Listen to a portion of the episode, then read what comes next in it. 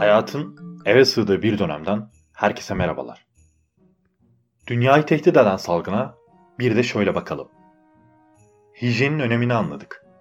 Elimizi doğru yıkamayı öğrendik.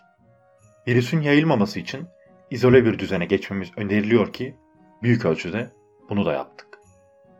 Tabii bunlarla birlikte bu süreci kişisel gelişimimiz veya herkesin yararına yeni fikirler geliştirmek için kullanabiliriz. Delpi'deki Apollon Tapınağı'nın girişine altın harflerle yazılan ve gün geçtikçe daha değerli olduğuna inandığım Noshi te Imsum. Yani kendini bilmek sözünü iyi okuyup anlamamız gerekiyor. Bu özlü söz aslında bir uyarıdır. Gerçekten bilmek, tanımak, hissetmek, anlamak, yaşamak sanırım bu hayatta bir kişinin sahip olabileceği en büyük hazinedir. İnsan günlük hayatın koşturmacası içinde ihmal ettiği konuları düşünebilir, kitap okuyabilir, hatta Newton'un veba salgını sırasındaki inzivasında yaptığı gibi yeni icatlar çıkarabilir. 1665 yılında Cambridge Üniversitesi çalışmalarına güvenli şekilde devam etmeleri için öğrencileri evlerine göndermiştir. Newton bu sebeple Cambridge'in kuzeybatısında olan aile evine yerleşmiştir. Newton, üniversitedeki hocalarından ayrı kaldığı o zamanlarında büyük bir gelişim kaydetmiştir. İlk olarak Cambridge'de çalıştığı matematiksel problemler üzerinde çalışmalarını sürdürmüştür. Sonra yaptığı modellemeler hakkında ilk makalelerini yayınlamıştır. Daha sonrasında kendi odasında bir takım deneyler gerçekleştirdi ki bunlar kendi teorilerinin gerçekliğini gözler önüne sermiştir. Newton'un aile evinin hemen yanında bir elma ağacı vardı. Evet, Newton deyince aklımıza gelen meşhur elma düşme hikayesindeki elma ağacı olmalıydı bu. Bir elma ağacının altında otururken kafasına elma düştüğü, bu sayede bir anda yer çekimi ve hareket yasalarını bulduğu hikayesi büyük oranda uydurmadan ibarettir. Fakat hiç şüphesiz düşen elmaların teoriyi anlamada kullanılan en güçlü metaforlardan biridir. Newton 1667'de Cambridge'e döndüğünde elbette artık yanında kısa sürede bilime damgasını vuracak teorileri vardı.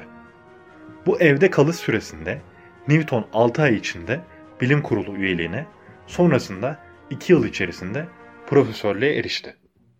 Böylelikle sosyal karantina ortamında Newton'un 1665-66 yılları arasında bilime çağ atlatacak teorilerini ortaya çıkarışını anlatan bu kısa hayat hikayesi özellikle bugünlerde hatırlanması gereken bir örnek olduğunu düşünüyorum.